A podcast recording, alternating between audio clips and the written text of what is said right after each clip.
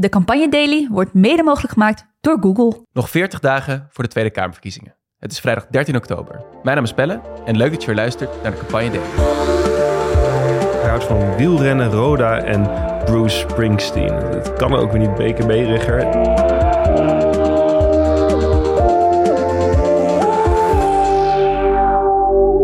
Ja, op deze vrijdag eh, zit ik hier met Alex Klusman. Welkom Vrijdag Alex. de 13e. Vrijdag de En 13e. heel veel te bespreken. Ja, dat man. Moeten belooft echt wat. tempo maken. Maar je hebt wel vol goede moet je Nederlands elftal shirtje aangetrokken. Zeker, vanavond Mbappé kijken. Nou, kleine En voorspelling. Nederlands Wat wordt het vanavond? Eh, 0-3. 0-3.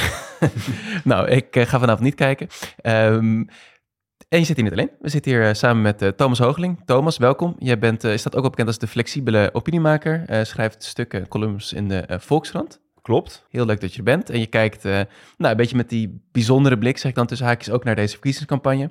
Ehm, en eh, nou, je was gisteren een beetje op het web aan het speuren, zoals een eh, goed columnist betaamt. En Mhm. daar viel je iets op, hè? Een fragment.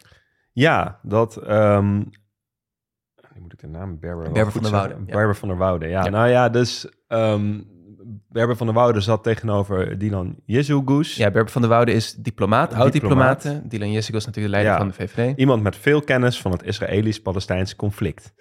En die zat tegenover Dylan Jezoegoes. En zodra ehm, zij eigenlijk de context wilde schetsen van... nou, dit conflict zit zo en zo, dit zijn de partijen en zo... werd ze eigenlijk best wel hard onderbroken van... eh, de, ik wil geen maar. Het is gewoon verschrikkelijk, die aanval van Hamas...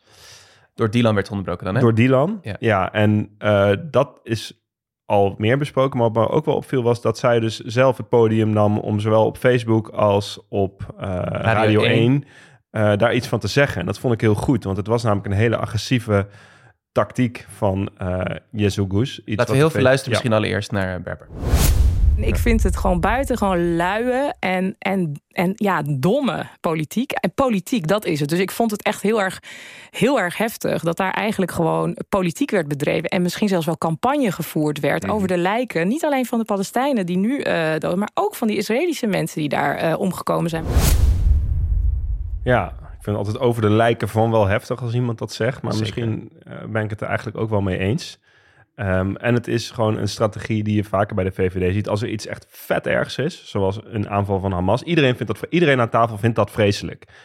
Ehm, maar dan wil Dylan eigenlijk wel uitschalen. Nee, maar ik vind het echt wel vreselijker dan jullie. Want jullie proberen te bagatelliseren door context te geven. Maar context geven is niet bagatelliseren, dat is context geven. En dat is belangrijk voor het publiek. Ja, en je zegt dat is ook wel iets wat je vaker, hè, de VVD zie je vaak met dat beltje hakken, ook in vorige verkiezingscampagne misschien. Ja, dus nou ja, en ook daarbuiten wel. Eh, dus, dus rond de avondklokrellen zei Rutte ook van... ik wil het niet eens begrijpen. Denk, ja, oké, als je het niet wil begrijpen... dan zal het zich waarschijnlijk wel ehm, ehm, herhalen. Ehm, en je ziet het ook nu bij... eh, dat vinden ze ook een belangrijk onderwerp bij de VVD nu opeens. Eh, dat is de, de drugsmafia. En dan gaan ze ook zeggen van ja, maar die, die moorden, die liquidatie, dat is zo verschrikkelijk. Dus we moeten dat keihard aanpakken. En iedereen die dat niet vindt, die ehm, doet er eigenlijk, eh, die kijkt een beetje weg van het geweld. En dat is helemaal niet zo. Want als je het wil oplossen, dan heeft de war on drugs geen zin. En keihard aanpakken heeft dan geen zin. En hogere straffen. Dat is gewoon wetenschappelijk bewezen. Ehm, maar het komt wel lekker stoer over. En je kunt anderen wegzetten als eh, soft en, wegkijkerig. En ik vind dat een hele nare, cynische eh, strategie van de VVD.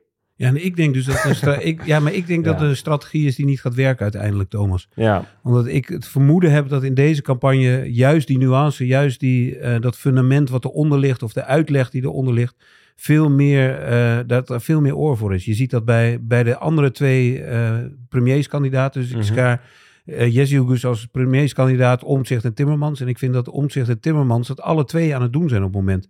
Die zitten wel, eh, Timmermans schuift wel aan bij Galit en Sofie en probeert juist wel het conflict in een perspectief te brengen. Omtzigt op zijn manier probeert ook uit te leggen wat er onder eh, volgens hem de, de te grote migratiestroom eh, zit en waarom dat een probleem is. Mhm. En die is veel minder dan, dan Jeziugus eh op one-liners uit volgens mij. En op het heel hard neerzetten en al het andere weg eh, proberen te snijden. Ja, dus dat zijn echt wel, zie jij daar Alex, eh, nuanceverschillen. En eh, over een van die twee premierskandidaten wil ik het iets nader met jullie gaan hebben.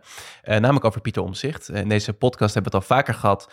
Ja, toch een beetje over de onontastbaarheid die hij heeft. Of in ieder geval misschien tussen haakjes de angst die andere partijen en politici hebben om hem op inhoud aan te vallen. Of met, in ieder geval met hem de confrontatie aan te gaan. Thomas, jij schrijft natuurlijk eh, columns voor de Volkskrant. eh, en jij was eigenlijk aan het begin van deze campagne misschien wel een van de eerste die een beetje ja, tegen die onaantastbaarheid en heiligheid van Pieter Omzicht aanliep. Hè? Want je schreef, je schreef een column op 21 augustus. Ja, kan je heel veel kort schetsen wat je in die column beoogde te vertellen? Ja, nou ja, dat, eh, wat ik eigenlijk probeerde te vertellen was van, nou, gewoon Pieter Omzicht is niet per se van mijn politieke kleur. Ik, hij is conservatief eh, rechts, eh, christelijk eh, achtergrond. Dat is niet mijn achtergrond. Maar ik, ik, ik ben eigenlijk wel blij omdat hij een heel precies, zorgvuldig bestuur voorstaat. Mhm. En dat, dat heb ik heel erg gemist onder Rutte. Maar goed, wat ik eigenlijk deed was ehm, een beetje om zich beschrijven als toch een beetje de verliezer, een loser. Iemand die natuurlijk ook is weggestuurd bij zijn partij destijds. Iemand die in een burn-out is geraakt. Een nerd heb ik hem, weet je wel, zo- zo'n type is Ja. het. De jongen die gepest werd op school. Die jongen die gepest werd op school. Iets wat ik nog steeds niet uitsluit trouwens, dat dat is gebeurd. Ehm, Ik vond de beschrijving van het, de, de gele post-it op zijn rug met schop me. ja, Ja. ja. dat is zo'n jongen. En ehm, dat zijn ook zowel Henk Kamp als eh, Alexander Pe- Pechtold, Alexander hè? Pechtold. Henk Kamp van de VVD, Alexander Pechtold, oud D66. Heel goed, Thomas, dat je het nog even noemt Ik moest dat nog even benoemen. Ehm, die hadden eigenlijk ook dat soort kritiek, maar die hebben het wat netter verwoord. Die zeiden ook van, nou ja, als je al in een burn-out raakt van Tweede Kamerwerk, dan eh, ben je misschien niet geschikt als premier. Wat precies even naar is. Ehm, en eigenlijk mijn punt daarna was, ehm, ik wil eigenlijk liever een verliezer als premier. Dat heb ik niet zelf bedacht, dat is ook een gedicht, eh, een Amerikaans gedicht. Ehm, nou, dat lijkt me iets voor de show notes, want ik weet eventjes niet wie dat Zeker, zeker. heeft. Maar Simone van Saarloos heeft er een vertaling van gemaakt. De column, het gericht, het staat allemaal in de show notes. En eh, daar moest ik aan denken van ja, ik wil eigenlijk niet zo'n soepele type winnaar als premier per se. Weet je, zo'n zo'n Wopke Hoekstra die overduidelijk nog nooit pech heeft gehad in zijn leven en er fantastisch uitziet en ehm, soepel kan praten en partner is bij McKinsey. Dat, dat, dat soort mensen wil ik liever niet aan de lijn. Ik heb liever lui die weten hoe het is om eh, soms een beetje gepest te worden en ehm, Ja, dus dat is eigenlijk een verkapt compliment, zou je Het kunnen een- zeggen aan ja, omzicht. Ehm, klopt. Maar niet iedereen had misschien de hele column gelezen en, en over die kop en, en, en een beetje de framing die daaromheen stond. Daar, daar ontstond wel een dynamiek, hè? Van zowel van links Ja. als rechts, als van alle hoeken en gaten kwamen mensen wel die boos op jou waren dat je Pieter Omzicht op die manier karakteriseerde. Ja, het waren wel honderden berichten. Ja, en e-mailtjes en, en op, ook op, op alle media ook. Ehm, en ja wat, ja, wat me daar eigenlijk opviel was dat iedereen erin las wat hij erin wilde lezen. Dus eh, de, de, de Volkskrant ehm, moet en zal, zal... Dus de Volkskrant moet en zal omzicht kalt stellen. Weet je wel? Aan de Dus ene het- kant, ja, aan de precies. ene kant. Aan de andere kant was het mensen die hem dan wel lazen als compliment. Die vonden dan weer van, oh, omzicht, die moeten heilig verklaard worden door de Volkskrant. Dus er werd heel veel gesuggereerd dat ik in opdracht van de krant hem zou moeten afmaken of de hemel zou moeten inprijzen. En heel veel mensen die gewoon vonden dat, ja, dat ik zelf eh, vroeger gepest ben. En eh, dat ik het daarom schrijf en dat ik zelf een loser en een nerd ben. Ehm, en ja, Ja, waarom- iedereen weet ja, dat dat niet zo Waarom is. kwam de dus ja. hoofdredacteur eh, to the party dan? Waarom kwam Pieter Klok ineens met een soort van uitleg? Of ik, ja, ik noem het een leeswijzer. Eh, hoe lees je Thomas Ja, Hoogeling? Ja, dus Later zo- die week schreef Pieter Klok inderdaad een column die een compliment vervakt als belediging kan niet iedereen waarderen. Dus echt een beetje een leeswijzer misschien van hoe jouw column geïnterpreteerd moest worden. Ja, Ja, en ik vroeg me dus af, was het een leeswijzer of was het een manier om koning, koning Omtzigt niet tegen de haren in te strijden? ja. Ehm, Van de Volkskrant. Dus. Ja, nee, kijk, dat is wel dus... Daarmee zeg je eigenlijk dat de Volkskrant ehm, een belang heeft bij om zich niet te hard aanpakken. En dat, dat is gewoon niet mijn ervaring bij de Volkskrant. Ik mag, alle, ik mag alles schrijven, ik heb alle vrijheid. Ik heb nog nooit, eh, ben nog nooit op de vingers getikt over dingen... terwijl ik soms best een beetje uit de bocht kan vliegen. Eh, dus dat denk ik niet. Ik denk wel dat er soms wat zenuwen zijn over gelaagde grapjes, satire, eh, dubbelzinnigheid, omdat ja, het is allemaal gepolariseerde. Mensen worden sneller boos, leggen graag iets naar eigen inzicht uit. En eh, daarom staat er bijvoorbeeld ook boven mijn flexibele opiniemaker columns staat dan de satire tag, wat ik echt vreselijk vind. Ja. Want mensen zullen het maar verkeerd begrijpen. En dat, dat vind ik wel jammer, dat mensen, ja, en ik denk inmiddels eigenlijk, ja, als mensen dit niet begrijpen, dan die moet je gewoon lekker links laten liggen. En, eh, maar ik moet eerlijk zeggen dat ik heb wel het stuk, ik, ik, het is wel aan me gevraagd van, vind je het goed als ik dit, eh, door, door Pieter Klok, hoofdredacteur, eh, vind je het goed als ik dit, dit schrijf? En ik voelde me toen eerlijk gezegd ook wel gesteund, want ja, ik kreeg honderden haatberichten. En dan is het wel fijn als de krant achter je staat Kan ik me goed voorstellen, ja. toen het eenmaal geplaatst was, sorry, ehm, merkte ik wel ook, kreeg ik ook wel vrij veel hoon. Oh, blijkbaar moet de hoofdredacteur het voor je opnemen voor het columnistje. En dat voelde ik, daar voelde ik me ook wel lullig over. Achter, achteraf had ik denk ik liever gezegd, eh, nou Pieter, laat me lekker zitten. Beetje dubbel Eh, gevoel. maar ja, Als we daar even dan, eh, goed dat je dat kant van het verhaal vertelt, Thomas. Ja. Maar eh, Alex, het feit dat iets zoveel losmaakt rondom Pieter Omzicht, dat, dat zegt natuurlijk wel iets breder misschien ook over de campagne die nu Ja. gaande is. Hè? Ja, Veel mensen iets van hem vinden. Veel mensen iets van hem vinden. Veel mensen denken dat alles om om zich draait. Eh, dat je met, eh, wat we hier wel vaker in de podcast hebben gezegd, met fluwelen handschoenen moet aanpakken. Maar toch viel me op. Gisteren kwam ik eh, bij Op één langs op Gezept, televisie. zoals dat gaat. Gezept.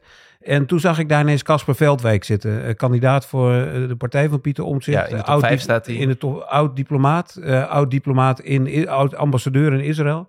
En die zat daar zonder de, de backing van Pieter Omtzigt aan tafel bij op één over dat moeilijke onderwerp te praten. Over de oorlog in Israël-Palestina.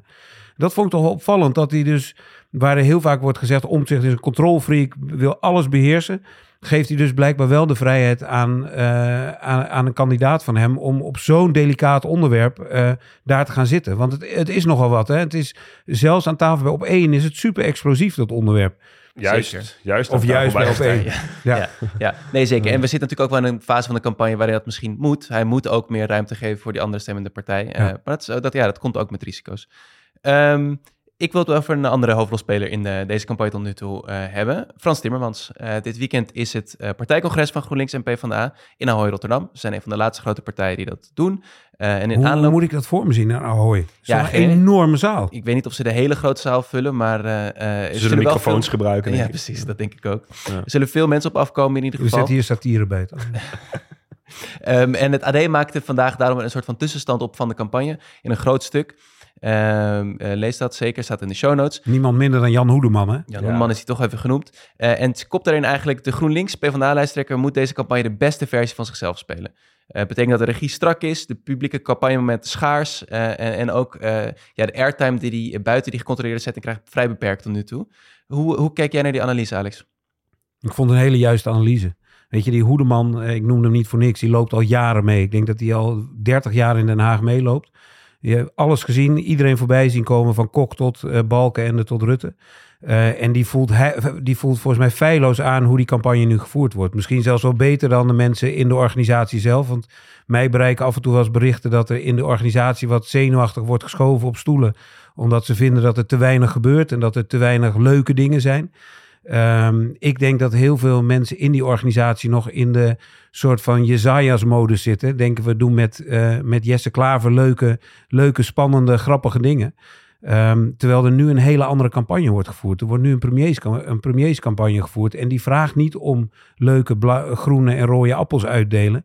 Die vraagt om een premier eh, die eh, zinnige dingen zegt over de toekomst van het land. Dus jij snapt En- ook wel dat, dat die keuze campagnematig gemaakt wordt vanuit Partij van de Ik Arbeid snap dat GroenLinks. heel goed. Ik snap het heel goed dat er, dat er spaarzame momenten zijn waarop je op eh, belangrijke onderwerpen naar voren stapt. En dat heeft Timmermans bij Galit en Sofie gedaan over Israël-Palestina. Die heeft een lang eh, eh, eigenlijk eh, introductie bij op één gehad. Eh, die heeft zich naast Bernie Sanders mogen vleien en laten zien dat hij met de grote der aarde optreedt. Is in Canada geweest. Gaat volgende maand naar Spanje toe om daar met de, met de Europese socialisten en sociaaldemocraten te zitten. En heel af en toe doet hij nog wat soort van frivole uitstapjes naar de, de Freddy en Rudy show van, eh, van, ja. de Corrie, van de correspondent, van de Corrie. Ehm, en volgens mij... Fijn dat eh, je dat nog even Ja, goed dat je het nog even noemen. En volgens mij komende week zelfs in Waanzinnig Land met Johan Frets. Zeker. Waar hij ook nog eh, een heel ander kiezerspotentieel gaat aanspreken. En dat is misschien net weer wat anders dan wat we van hem zien als hij bij op één zit. Ja, oké. Dus volgens mij een hele doordachte, hele doordachte campagne die er gevoerd wordt. Tegelijkertijd, eh, ook in dat stuk wordt eh, Bas Eickhout, eh, eh, fractievoorzitter van de Groenen namens GroenLinks, eh, in het Europees Parlement wordt aangehaald. En die, ja, hij ziet graag de komende weken meer de persoon van Frans Timmermans. Het is geen beroepspoliticus die alleen maar met politiek eh, bezig is, zegt hij. Eh, ja, Thomas, zit je ook meer te wachten op, op die persoon Frans Timmermans in deze campagne? Nee, absoluut niet. Nee, ja, Waarom ik, niet?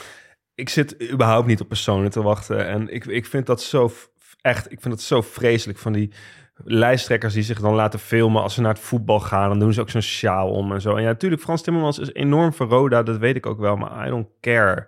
En het is ook gewoon, hij houdt dan, eh, er stond dan in het stuk, hij houdt van wielrennen, Roda en Bruce Springsteen. Het, het kan ook weer niet BKB-rig.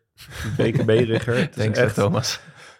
Uh, ik bedoel, nee, prima dat, dat je hobby's hebt, maar ik, dat, dat de hele tijd benadrukken. Nee, maar het is ook een mens. Ja, dat zie ik. Hij beweegt, hij ademt. Het is prima.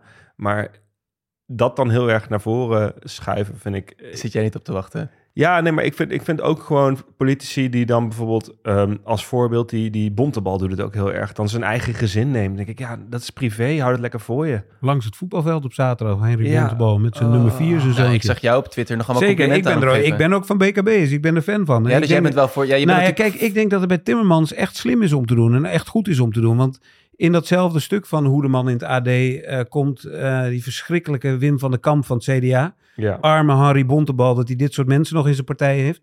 Die komt dan met een uitdrukking. Ja, ik zie hem dan over, uh, over Rode JC. Terwijl hij is eigenlijk veel meer een golftype. Dan denk ik, ja, dat is hij niet. Weet je, ik ken Timmermans toevallig een beetje. En die houdt niet van, van golf. Fanclub, ik ben voorzitter van zijn fanclub en van die van Bontebal. Um, maar hij houdt niet van golf. Hij houdt echt van Rode JC. En, hij houdt, en, hij houdt, echt van Bruce Springsteen. En van nog honderd andere uh, muzikale stromingen. Maar het zou toch ook niet moeten uitmaken als hij wel van golf hield? Eens, eens. Maar dat maakt het wel. Ook ja. Ja, nou ja, kijk, ja, dat is denk ik een beetje het verschil tussen jou en mij. Dat, dat, dat jij dan denkt, ja, het is slim, want uh, voor de campagne en het publiek. Dan ik, en ik alleen maar denk, waarom, eh, wat, wat is het toch vreselijk dat het publiek dit belangrijk vindt. Ja, maar het komt eigenlijk op hetzelfde. Ik geloof best dat het slim is, hoor. Ja, nee, echt ook helemaal met je eens. Maar ik ben wel van, van mening dat ik wil dat uh, er weer een linkse regering in Nederland komt. Ja. En dan zou je dus ook uh, die campagne moeten winnen. Nee, fair enough. ja. Ja, iemand die uh, geen linksregering uh, wil is uh, lijsttrekker van de SGP, Christoffer. Die werd vandaag geïnterviewd in de lijsttrekkersreeks van de Volkskrant. De kop van het artikel was: Het zou goed zijn voor dit land als er eindelijk eens een coalitie komt die rechtsom gaat. Ja, maar en een best ja, en een rechtse coalitie. Ja, ja, ja en de kop, de kop online is weer anders. Hè? Die, is, die is, stel dat er helemaal geen kinderen meer worden geboren, dan is het over 40 jaar is het land hier leeg. Nou, ja, dat, dat, vond jij vooral heel goed. Ja, die heb, ik op, die heb ik opgeschreven. Ja, dat, dat, wat, dus, dus hij wil dan belastingvoordelen voor gezinnen. Ja, het ging veel over gezinnen. Dat gezinnen, het belang van gezin. Ik vind dat dus trouwens ook weer, eh, volgens mij is het een campagne dingetje. Want kijk, iedereen komt uit een gezin. Dus iedereen voelt zich meteen aangesproken. Hetzelfde als met middenklasse. Iedereen denkt dat hij middenklasse is. Of hardwerkend, ook zoiets. Nou, volgens mij is gezin ook dat. Maar toen zei hij inderdaad, als verdediging daarvan... Ja, stel dat er in Nederland helemaal geen kinderen meer worden geboren. Ja, stel, dat zou toch wat zijn, hè? Ja, het is gewoon heel raar. Het is toch een heel raar. Is het best het was, Maar het was toch een heel opmerkelijk interview? Heel opmerkelijk. Maar het maakt ook voor hem natuurlijk helemaal geen reet uit wat hij in de Volkskrant zegt. Dat lezen christenen daar eh, in zijn achterban ook helemaal niet. Nee. Dus ja, hij had, ja, ja, nou laten we even inzoomen op andere dingen die hij zei in dat, in dat interview dan. Want uh, het gaat natuurlijk ook over uh, het standpunt van de SGP om geen vrouwen op de kieslijst te zetten. Ze hebben wel mensen in de gemeenteraad inmiddels vrouwen uh, die daar op de lijst staan en ook verkozen zijn, maar op de landelijke lijst nog niet. Ja, um, ja de, de, lijsttrekker, de partijleider wordt daarnaar gevraagd, Alex. En wat voor antwoord krijg je dan? Daar ga ik niet over. Ja, ik, lijkt me niet. Zei... De, de, die lijst is er en ik ga er niet over. Daar gaat de voorzitter over. Dus het lijkt me niet goed als ik er iets over zeg.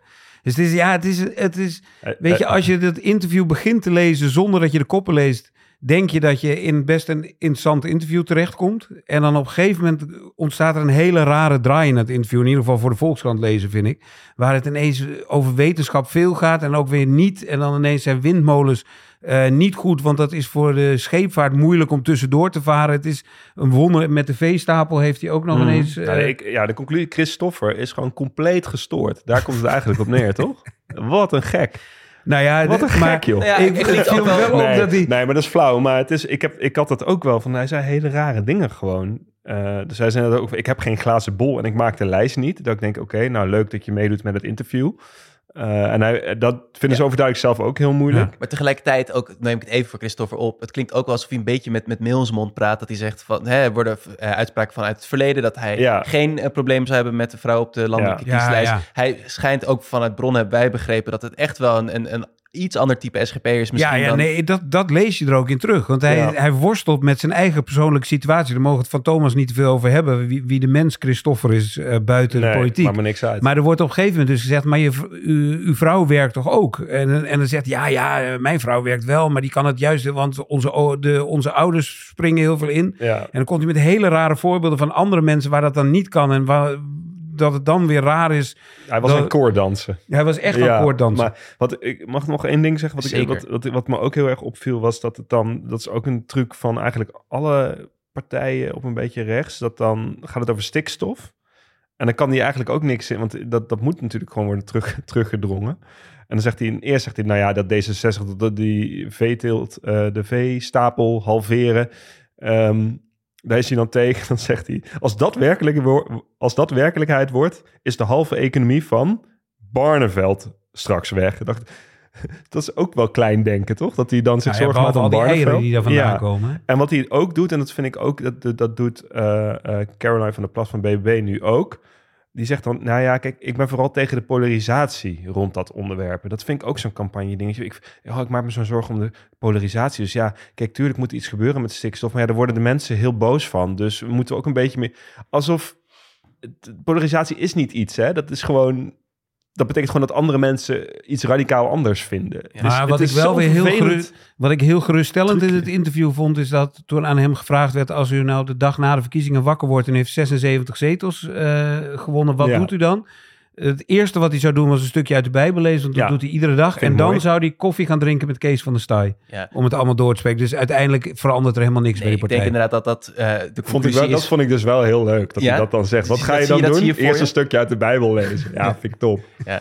Nee, ik denk dat dat de conclusie uiteindelijk is. Het is een soort van koorddansen tussen persoonlijke opvattingen en, en wat het SGP-geluid moet zijn. En, ik denk dat, even terugkomen op Barneveld, dat dat natuurlijk wel een belangrijke plek is voor hem en, en, en zijn achterban. Ja, dat is toch mooi. Ja, zeker Ja. mooi. Maar uiteindelijk is denk ik dan de conclusie, de nieuwe SGP is misschien niet heel veel anders dan de oude SGP. Exact. Ook al staan daar wat jongere mannen op de lijst dan, eh, en hebben ze baarden, dat schijnt ook een eh, ding te zijn. Eh, ja, ik begreep van, eh, van onze collega's van eh, de stemming dat dat een heel groot ding was binnen de achterban, omdat dat in de jaren 60 iets met kerkelijke stromingen te maken hebben. Maar nieuwe SGP's hebben baarden en dat is controversieel. binnen Ja. Gaan we zoveel mogelijk podcasts noemen? Ja, dat wil jij graag Ja, doen. en, Maar laten, eh, en laten we niet vergeten dat het gewoon echt, echt, ja...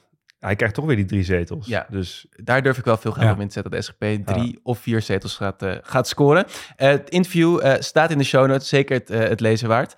Ehm, ja, daar zijn we rond van, eh, van vandaag. Dat gaat snel op, eh, op zo'n vrijdagmiddag. Gaan wij nog niks over die uitslagenshow zeggen? Helemaal niks nog. Daar kunnen we pas volgende week iets over zeggen. Dus hou je kruid droog. Mocht je daar meer over willen weten, dan heeft Lin al een klein voorproefje gegeven in de aflevering van maandag daarover. Ehm, Alex, dank eh, dat je er was vandaag. Ik Ja, hoop dat je gedaan. veel plezier hebt vanavond bij de 0-3, het 0-3 verlies van Nederlands elftal. Ja, en ik hoop dat we Thomas nog kunnen overtuigen om iets op die uitslagenshow te gaan doen. Nou, wie weet. Thomas, leuk dat je er was en bij ons wilde aanschuiven. Ik ben prima te overtuigen. Alles is te koop. Alles is te koop. Nou, we gaan ik eh, denk kijken. dat het gelijk wordt vanavond. gelijk vandaag. Gelijk. Gelijk spel. Oké. Nou, voordat we zien. hier te erg eh, verzanden in een voetbalpodcast, eh, ga ik jullie bedanken voor het altijd de luisteren daily van van deze FC afkicken gaan Ja. luisteren? Wat denk jij dat het wordt? Ik denk dat we er 0-4 afgaan. Oké. Ja, daarom ga ik ook niet kijken vanavond. Ehm, dank voor het luisteren naar deze week. Eh, ehm, het was weer een roerige week. We zijn maandag bij jullie terug. Eh, genoeg te bespreken. Het wordt een politiek weekend. Om 4 uur maandag eh, zitten we weer in je favoriete podcast app. Like, deel, abonneer. Fijn weekend en tot maandag.